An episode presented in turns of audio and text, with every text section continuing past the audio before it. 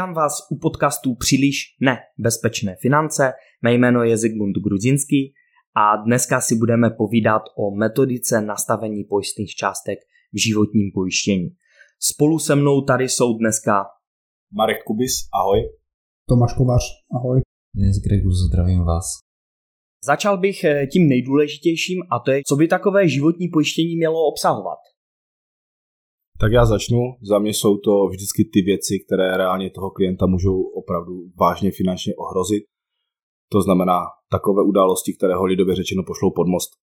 Asi se tady zhodneme, že to jsou udál, mezi ty události patří úmrtí, invalidita z jakýchkoliv příčin, pracovní neschopnost a případně nějaké závažné onemocnění, ale to už spíš nám potom spadne stejně do té invalidity. Takže za mě jsou tu tady tyhle ty čtyři věci, které by měl být každý klient jako prioritně vyřešena. Tak já začnu té pracovní neschopnosti, která je vlastně jednodušší na to spočítání. Je potřeba, aby klient buď sám nebo s poradcem zjistil, jaká je výše jeho nemocenské vzhledem k jeho příjmu, ale co je úplně nejdůležitější, je vlastně dobře zpracovaná finanční bilance. Když jsme v minulých podcastech se bavili o tom, jak poznáte dobrého finančního poradce, tak za mě jeden z ukazatelů je ten, že pokud s váma řeší nějaký způsobem životní pojištění, tak s váma dělá finanční bilanci, protože pokud není vyplněná dobře, tak to pojištění vždycky nastavené na slepo a nebude odpovídat vaší životní situaci. Takže s klienty zpracujeme veškeré jejich výdaje, veškeré příjmy, rezervy, ještě to ideálně rozdělíme na zbytné a nezbytné, abychom opravdu věděli, které výdaje musíme zachovat i v případě nemocenské nebo ještě těch závažnějších situací a na základě toho se to pojištění nastavuje. Takže tady v případě té pracovní neschopnosti zjistíme, kolik vlastně jsou měsíční výdaje, odeště se od nich nemocenská ten rozdíl eh, se viděli vlastně 30 a máme pojistnou částku pro klienta. Ještě možná zmínil k té pracovní schopnosti a k tomu pojištění, že je opravdu důležité zhodnotit tu vyšší rezervy, pokud má klient jako dostatečnou rezervu na to, aby ty, na celý rok pokryl svoje výdaje nebo ten rozdíl, který mu chybí z nemocenské, tak se ve své podstatě nemusí ani pojišťovat. Ale je důležité si uvědomit, že prostě o ty peníze v úvozovkách přijde. Musí být v pohodě s tím, že se třeba několik set tisíc prostě spálí na to, aby pokryl výdaje v pracovní neschopnosti. No, ale zase myslím, že naše filozofie, na které se shodneme, je to, že nechceme, aby klienti platili za pojištění zbytečně hodně a nechceme pojišťovat jako každou zbytečnost. V návaznosti právě na tu rezervu, kterou klient disponuje, tak se potom řeší i u připojištění té pracovní schopnosti a karenční doba. Takže tu pracovní schopnost člověk může nastavit v té, v té pojistné smlouvě například od 29. dne, od 60. dne nebo od 90. dne, v některých případech i od prvního dne té pracovní schopnosti. A to se právě nastavuje podle toho, jakou například ten klient má tu rezervu a kolik by mu ta rezerva právě například, na by mu ta rezerva vystačila, kdyby byla na té pracovní schopnosti. A takhle se tam krásně právě doplní, od kolika dne bude teda ten klient potom pobírat tu pojistnou částku, tu denní dávku, aby mu to pokrylo ty příjmy a výdaje. Té pracovní neschopnosti by to bylo asi zatím všechno. Marku, ty na začátku zmiňoval ještě mrtí a invaliditu a závažné onemocnění. Možná tady u toho už to asi nebude tak jednoduché s tím propočtem, jak by si klient měl vůbec vypočíst, na jaké částky toto nastavit. Škoda, že tady teďka nemáme jako i kameru a nějaký whiteboard nebo něco, protože přece jenom popsat ty výpočty těch pojistných částek není úplně jednoduché. Těch metodik je několik, my vlastně používáme dvě a to je buď koeficient 200, anebo eh, čistá současná hodnota. Když vemu to při pojištění té invalidity, protože tam je to výpočet trošku jednodušší, tak eh, jedna věc, kterou je třeba vzít v potaz, jsou sociální dávky, což v případě invalidity je vlastně invalidní důchod, prvního, druhého nebo třetího stupně. Takže pokud zase klient má dobře vyplněnou finanční bilanci, známe dneska jeho výdaje nezbytné, od toho odečteme tu sociální dávku, ten invalidní důchod, tak víme, jaký je vlastně měsíční rozdíl, který nám chybí, takže ten propad těch příjmů bude nějaká částka, kterou v případě koeficientu 200, pokud vynásobíme tu částku, která měsíčně chybí, například 10 000 korun krát 200 je 2 miliony, a tady ta částka by nám měla být schopna generovat po zainvestování měsíční rentu 10 tisíc korun. Není v tom započaná inflace a je to bráno tak, že ta jistina, to znamená ty, ty peníze, které se investují na začátku, tam zůstávají celou dobu a vybírají se pouze výnosy. Což ne vždycky může být úplně optimální řešení, protože pak je ta pojistná částka potřeba větší. Co se týče čisté současné hodnoty, tak tam uh, se vlastně nastavujeme po jaké době tu pojistnou částku chceme mít jako vyčerpanou, to znamená, že nebude tam pořád stejná částka v těch investicích ležet, ale bude klesat, bude sebrat i z té základní částky, která se vkládala a můžeme ji klidně vyčerpat do nuly. To znamená, ta čistá současná hodnota je taková trošku, bych řekl, eh, odbornější nebo složitější výpočet než u toho koeficientu 200. Každopádně zase z pozice klienta určitě těch modelů je více na ten výpočet, ale vždycky bych se ptal poradce, jak dospěl k pojistné částce, kterou mi poručuje. Pokud řekne, že nevím, nebo spočítal mi to nějaký software, který nevím, jak to počítá na základě čeho, tak zase jsme potom u té odbornosti.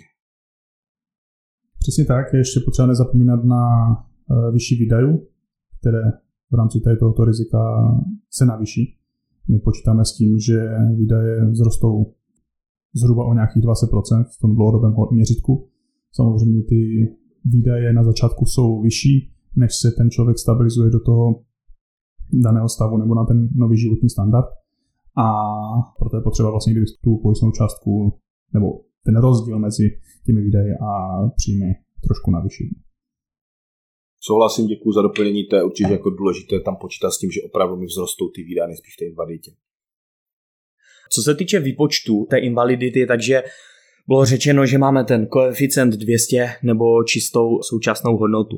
Nicméně ještě při výpočtu samotné invalidity eh, hrají velkou roli dávky, to znamená invalidní důchod. Možná můžeme posluchačům trošku více říct i na příkladech eh, něco jak by k tomu. Co se týče té invalidity, tak eh, samozřejmě můžeme se pojít nějaké průměrné čísla, jakože průměrný invalidní důchod ve třetím stupni byl v loňském roce 13,5 tisíce Bohužel to je pro klasického klienta nic nevypovídající, protože já mám třeba klienta, který se stal invalidním někdy po 50. roku e, života, invalidní důchod třetího stupně dostal někde kolem 15-16 tisíc, což e, jako pokrylo veškeré výdaje a tak dále, které měl. Na druhou stranu mám klienta, který měl první stupeň invalidního důchodu kolem 23-24 let a dostal asi 4000 korun, což jako ve své podstatě jsou peníze tak možná na kafe jo, ale nic to nevyřeší. Takže tady ty sociální dávky jsou, ale jsou velmi jako odvislé od toho, kolik máte odpracovaný hled, čili bych se na to úplně nespoléhal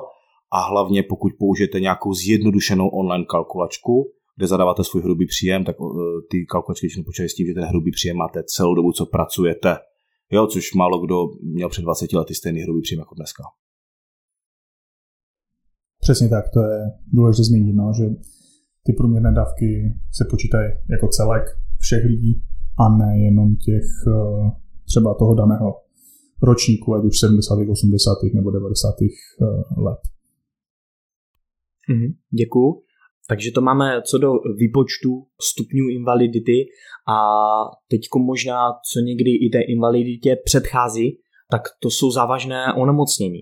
Jak eh, si to nastavit u toho závažného onemocnění, tu částku? Pojistná částka u závažných nemocí se nastavuje relativně jednoduše, jelikož by měla být fixní, možná se i trošku zvyšovat, protože samozřejmě náklady na léčbu v čase rostou. A nastavujeme ji v průměru kolem těch půl milionu, záleží samozřejmě na tom, jak to vychází cenově a co je schopen ten klient akceptovat a kolik je ochoten za to připojištění platit. Přesně tak, ono problém Eh, závažného nemocení a nákladu na na standardní léčbu je to, že v čase rostou, neklesají, což je trošku proti filozofii nějakých klesajících pojistných částek. Každopádně ono to nemá sloužit, jako tady to je jediné z těch velkých rizik, které nemá sloužit k tomu, aby nahrazovalo klientovi příjem, protože pokud je to krát, eh, trvá krátkou dobu to, to závažné nosení, tak nám to nahrazuje pracovní neschopnost. Pokud nám to potom přeroste v nějaký třeba invalidní důchod, tak tam máme zase připojištění, to nám tady ten výpadek toho příjmu kryje a pokud to skončí s tou nejhorší možnou variantou, což je úmrtí, tak to máme zase řešeno jinak. Takže toto by opravdu mělo být peníze na tu na standardní léčbu. Jak říkal Tomáš, je to velmi cenotvorné riziko, protože samozřejmě čím je klient starší, tím ta pravděpodobnost tady těch skvělých diagnóz typu rakovina, infarkt, mrtvice a tak dále roste a proto i jako velice výrazně roste cena za to riziko. A tak je důležité zmínit to, že uh, rozdíl mezi tím invalidním důchodem nebo tím pojistným plněním z invalidního důchodu a závažných nemocí je v tom, že pojistná částka z, z závažných nemocí je vyplacená po diagnoze a ta léčba může trvat x měsíců a až po nějaké době, Česká zpráva sociálního zabezpečení teprve přizná ten invalidní důchod, takže až poté, co má člověk eh, posudek o invaliditě, tak má právo na pojistné plnění z toho připojištění invalidity. Ještě když jsme u těch pojistných plnění, tak u toho závažného ocenění bych zmínil, že některé pojišťovny uplatňují tzv. dobu přežití. Standardně to bývá jeden měsíc, kdy od diagnózy klient musí přežít minimálně jeden měsíc, aby měl nárok na pojistné plnění.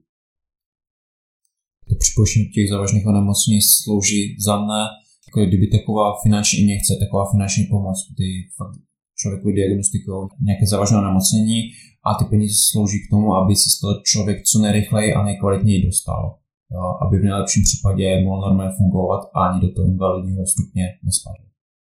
Já jenom tady možná si spousta klientů řekne, proč by to měli řešit, protože v Česku je v úvozovkách bezplatná zdravotní péče, nebo platíme ji formou jako zdravotního pojištění, takže to úplně nevidíme a přece není důvod si někde platit na standardní léčbu. Nemyslím si, že jsem jediný, kdo si toho všimne, že jednou za čas na mě vyskočí, že se tam nějaký pacient soudí z VZP, protože mu nechcou uhradit nějakou nadstandardní léčbu a samozřejmě až třeba to vysoudí úspěšně, tak už být kolikrát pozdě. Takže pro, z mého úhlu pohledu je lepší mít peníze na to, zaplatit si tu léčbu a potom se můžu hadat s pojišťovnou, jestli mi to má nemá dát, až budu jakoby ideálně vylečen nebo stabilizovaný a mám na to jako energii a sílu. Tady bych akorát na závěr možná jak by dodal, že opravdu bavíme se o vážných nemocech, které ovlivní mnohdy, zda ten člověk bude dále moci normálně fungovat, být schopen jak by žít. A myslím si, že tady v tomto případě člověk chce být zdrav, chce se vylečit a mnohdy tyto postupy stojí 100 eh, tisíce, ne desítky tisíc. To znamená při tom nastavení té částky opravdu je potřeba si zhodnotit nebo i podívat kolem, jak dlouho trvá průběh nějaké léčby rakoviny, že to opravdu nejsou dny ani týdny a kolik eh, toto může jak by stát.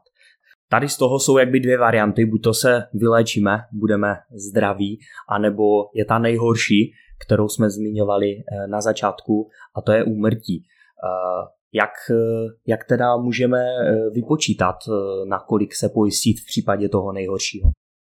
Když už jsme u toho umrtí možná dříve než eh, vůbec nějaký výpočet pojistné částky, bych chtěl zmínit, kdo vůbec se na to riziko má pojišťovat. Standardně říkáme klientům, že to je buď pro ty, kteří mají nějaké finanční závazky, znamená úvěr, hypotéka, cokoliv, nebo je na nich někdo finančně závislý. Děti, partner, rodiče. Jo, jinak jako klient, který je dneska mladý, má 25 let, nemá žádné dluhy, nemá, není do finančně závislý, tak asi žádnou závratnou částku na pojištění umrtí nepotřebuje Někdy to v těch smlouvách prostě vidím a zase to ten klient platí zbytečně. Ještě bych zmínil, že se určitě budeme bavit teďka o pojištění umrtí z jakýchkoliv příčin.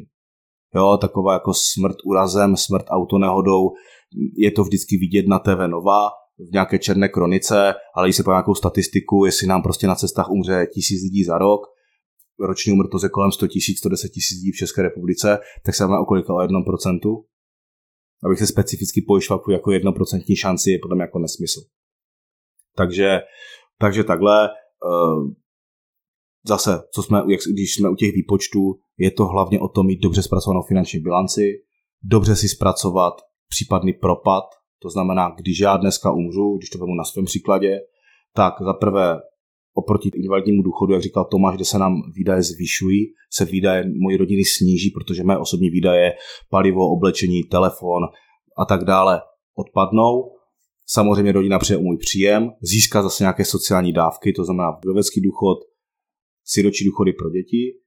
A tady na základě toho rozdílu je potom nutné stanovit tu pojistnou částku, to znamená, kolik bude rodině chybět, ale je třeba brát v potaz to, že ty sociální dávky končí. Končí vlastně tím, když děti přestanou studovat nebo dosáhnou 20, 26 let. Jo, takže ne vždycky to vychází tak, že až budou mít moje děti 26 let, tak eh, manželka bude v důchodu. To znamená, tady je vhodné použít tu čistou současnou hodnotu, kde se dá právě pracovat s tím, že některé, některé jakoby, eh, zdroje těch peněz jsou časově omezené. A nebo můžeme taky použít ten koeficient 200, stejně jako té invalidity. Vždycky asi záleží na tom klientovi, jestli tam tu jistinu nebo tu hodnotu toho majetku chce ponechat i třeba pro ty dospělé děti, a nebo, nebo ne standardně čistá eh, pojistná částka vypočítaná eh, čistou současnou hodnotou je nižší než právě tím, nebo ne standardně, ale vždycky, protože se to vyčerpe do nuly v rámci té čisté současné Souhlasím, ono to je jako poměrně dost náročné téma u těch klientů, protože přece jsme o tom, že co když se jeden jako z partnerů nevrátí domů a tak dále. Ovšem, pokud to chce ten člověk být nastavené dobře, aby to dávalo smysl, tak je třeba se tomu fakt pověnovat a nepřeskočit to ve dvou větách, protože, jak si říkal, jedna věc je, jestli chci nechat něco pro děti, druhá věc je, jaké jsou třeba příjmy partnerky, pokud je tam fakt jako velký rozdíl, to znamená, nevím, třeba čtyřnásobně méně bude vydělat partnerka, tak asi bych chtěl nechat i něco pro ně, ať se to nedočerpe úplně do nuly.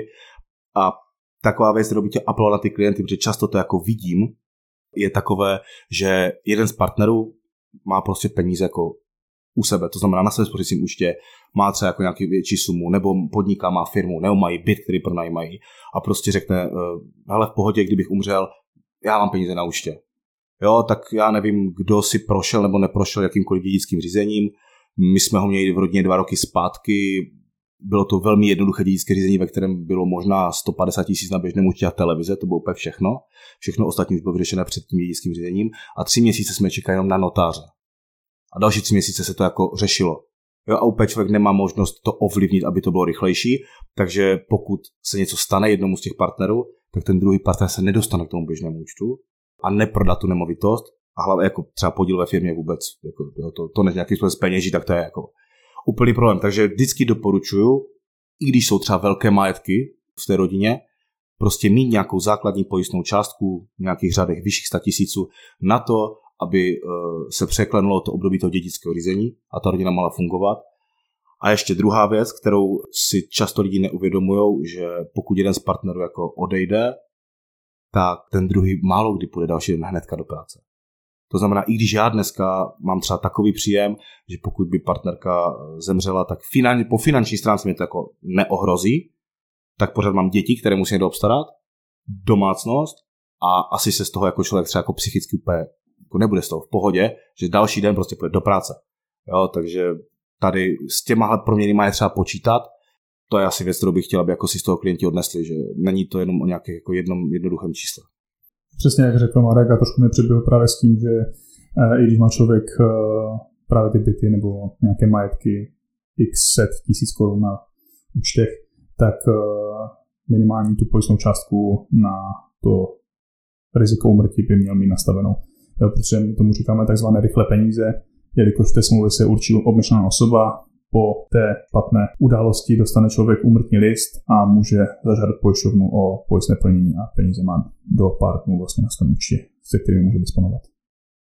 Eh, děkuju. Já si taky myslím, že je i důležité zmínit to, že Jedna věc je závazek vůči rodině a starat se o tu rodinu a ještě možná tady i nepadlo to, že hodně rodin dneska má nějaké závazky vůči bankám, to znamená, tam taky ta banka třeba nepočká půl roku, než se zbytek rodiny s tím vyrovná, ale je potřeba kryt nějakým způsobem taky ty finanční závazky, to znamená, jestli někdo má nějaký spotřebitelský úvěr nebo samotnou hypotéku, tak aby tady s tím nebyly starosti, protože banka nepočká se splatkama, nebo počká, ale ne úplně dlouhou, uh, dlouhou dobu.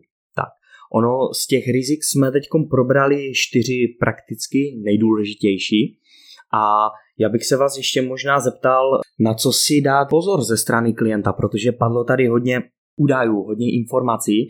A teď, když eh, ten klient přijde třeba za tím finančním poradcem, eh, řekli jsme si, že je třeba dobře zpracovat finanční bilanci, je třeba bát na to, jakým způsobem proběhl ten výpočet těch pojistných částek, co třeba ještě tam může nastat, nebo může tam být i ještě nějaký rizikový faktor, který si třeba nemusíme všimnout v, v tom pojištění? Já ti na to rád odpovím, ale teď jsem viděl Tomáše, se mohutně nadechl, takže bych mu nechal jako prostor. Děkuji Marku za slovo, to, to si velmi cením. Určitě bych se podíval na to, jestli je pojištěn proti všem invalidním stupňům, jestli je pojištěn pro, no, proti případu úmrtí z jakékoliv příčiny, a nejenom z důvodu úrazu, protože xkrát jsem se setkal ve své praxi, že člověk je pojištěn, má tam x rizik, ale ty důležité věci tam nejsou. A takhle bych asi jako se na to minimálně po tady tomto poslechu podcastu podíval, jestli jsem eh, aspoň zajištěn proti těm velkým rizikům a případně to prostě skonzultovat. Souhlasím s tím, co říká Tomáš a teďka si jako nemůžu odpustit to, že bych se jako klient zeptal svého finančního poradce ať už mi navrhuje novou slovu nebo to, co dneska mám, proč prostě mám takhle ty pojistné částky nastavené.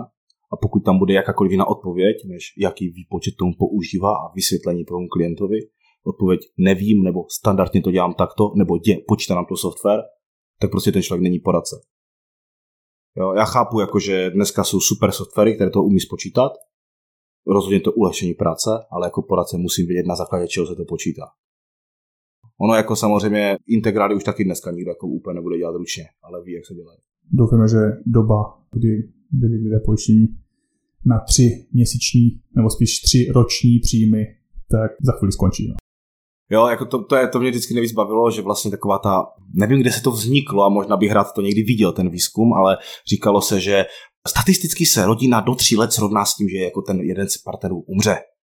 Já nevím, kde to jako bylo a kdo to teda jako, jestli mi to někdo pošle, budu rád, protože pokud mám eh, rozdíl v řádech, já nevím, desítek tisíc mezi partnery, kdy muž bere, nebo žena může brát třeba 800 100 tisíc měsíčně hrubém a partner bere 30, chtěl bych vidět, že za tři roky ten partner bude brát těch 100 po tom, co teda ten s tím vyšším příjmem jako zemře. Takže, takže dávejte si z pozice klienta pozor na takové ty obecné řečičky, že jako standardně to děláme takhle a průměrná česká rodina je pojištěna takhle.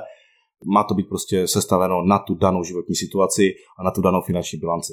Pokud ten poradce nedělá takhle, si dělá to blbě. Nemůže se trefit. Jo? Jako ta šance, že se trefím nějakým obecným pojištěním do těch potřeb toho klienta, je naprosto jako mizivá a to, k tomu se pojí ještě poslední věc, co v tom životním pojištění já prostě úplně jako nemusím, jsou to jako takové ty telesales prostě prodeje, buď po telefonu, nebo na poště, nebo jak které pojištění to možná mají dodnes, prostě ty balíčky, máme tady balíček za 300, za 500, za 700, který si vyberete.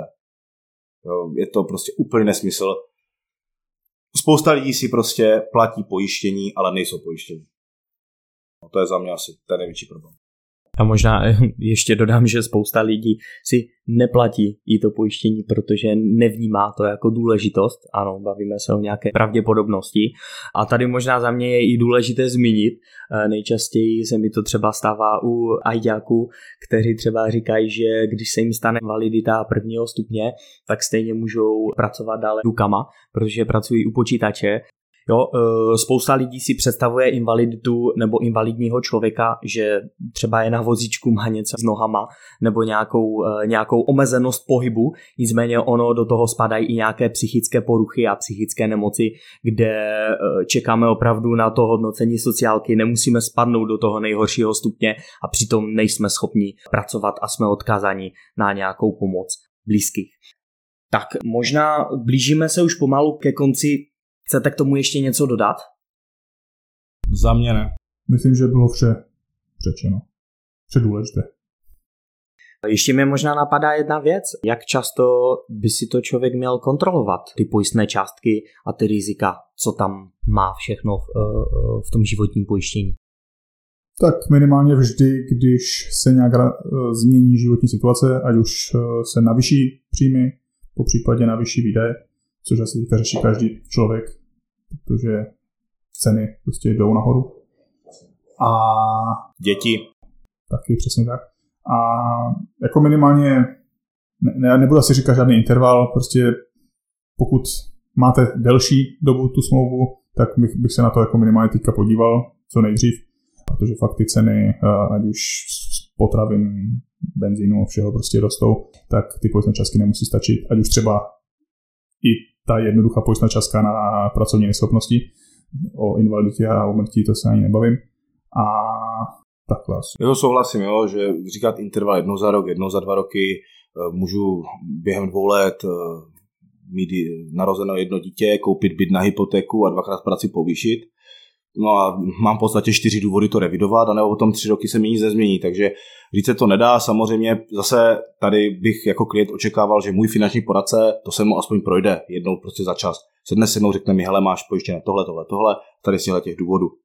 Jo, pokud to nedělá, dobře pro něj. Takže nejde tomu říct žádný pevný interval, ale co si myslím ze své zkušenosti, tak se tomu jako klienti věnou málo, spíš než by se mu věnovali hodně. Já prostě ten pocit, že platím si pojistku, tak jsem pojištěný, což teďka jde ještě o to možná intenzivněji vidět u pojištění jako nemovitostí, kde vidíme, jak to prostě velmi rychle roste a pojistky staré 3, 4, 5 let jsou jako dost aktuální. tak je třeba si uvědomit, že pokud životní pojistka má kryt propad příjmu mé rodiny na horizontu 10, 20, 30 let, tak asi jako s tou současnou inflací a s tím růstem by se to fakt podíval. Ale těm pojistným částkám nemovitostí a domácností to se dostaneme v dalších dílech. Děkuju. Tím pádem ono to už bude asi všechno. Já to tím pádem zhrnu celé pro posluchače. To znamená, bylo to téma metodika nastavení pojistných částek v životním pojištění. Byly tam důležité eh, čtyři rizika a to je úmrtí, invalidita, závažné onemocnění a pracovní neschopnost. Všechno, eh, vlastně celé to jádro toho výpočtu vycházel z čísel z finanční bilance, to znamená pro posluchače opravdu je důležité, aby vám nebo vy sami jste si nenastavovali ty pojistné částky nějak střelené od pasu, vypočty z nějakých kalkulátorů náhodných, ale opravdu příjmy, výdaje, závazky, všechno dobře vypočítat a z toho tím pádem buď to koeficientem 200, čistou současnou hodnotou, anebo těmi způsoby, co jsme si kompletně řekli, tak dojít k tomu kvalitnímu životnímu pojištění, které vás bude kryt, vás a vaši rodinu. Tak jo, z mé strany eh, to je tím pádem všechno a já vám moc krát děkuji za poslech. Ahoj. Tak to by pro dnešní epizodu bylo všechno. Děkuji vám za poslech a pokud nás chcete dále sledovat, koukněte na náš LinkedIn nebo Instagram, kde jsme jako čtyři poradci.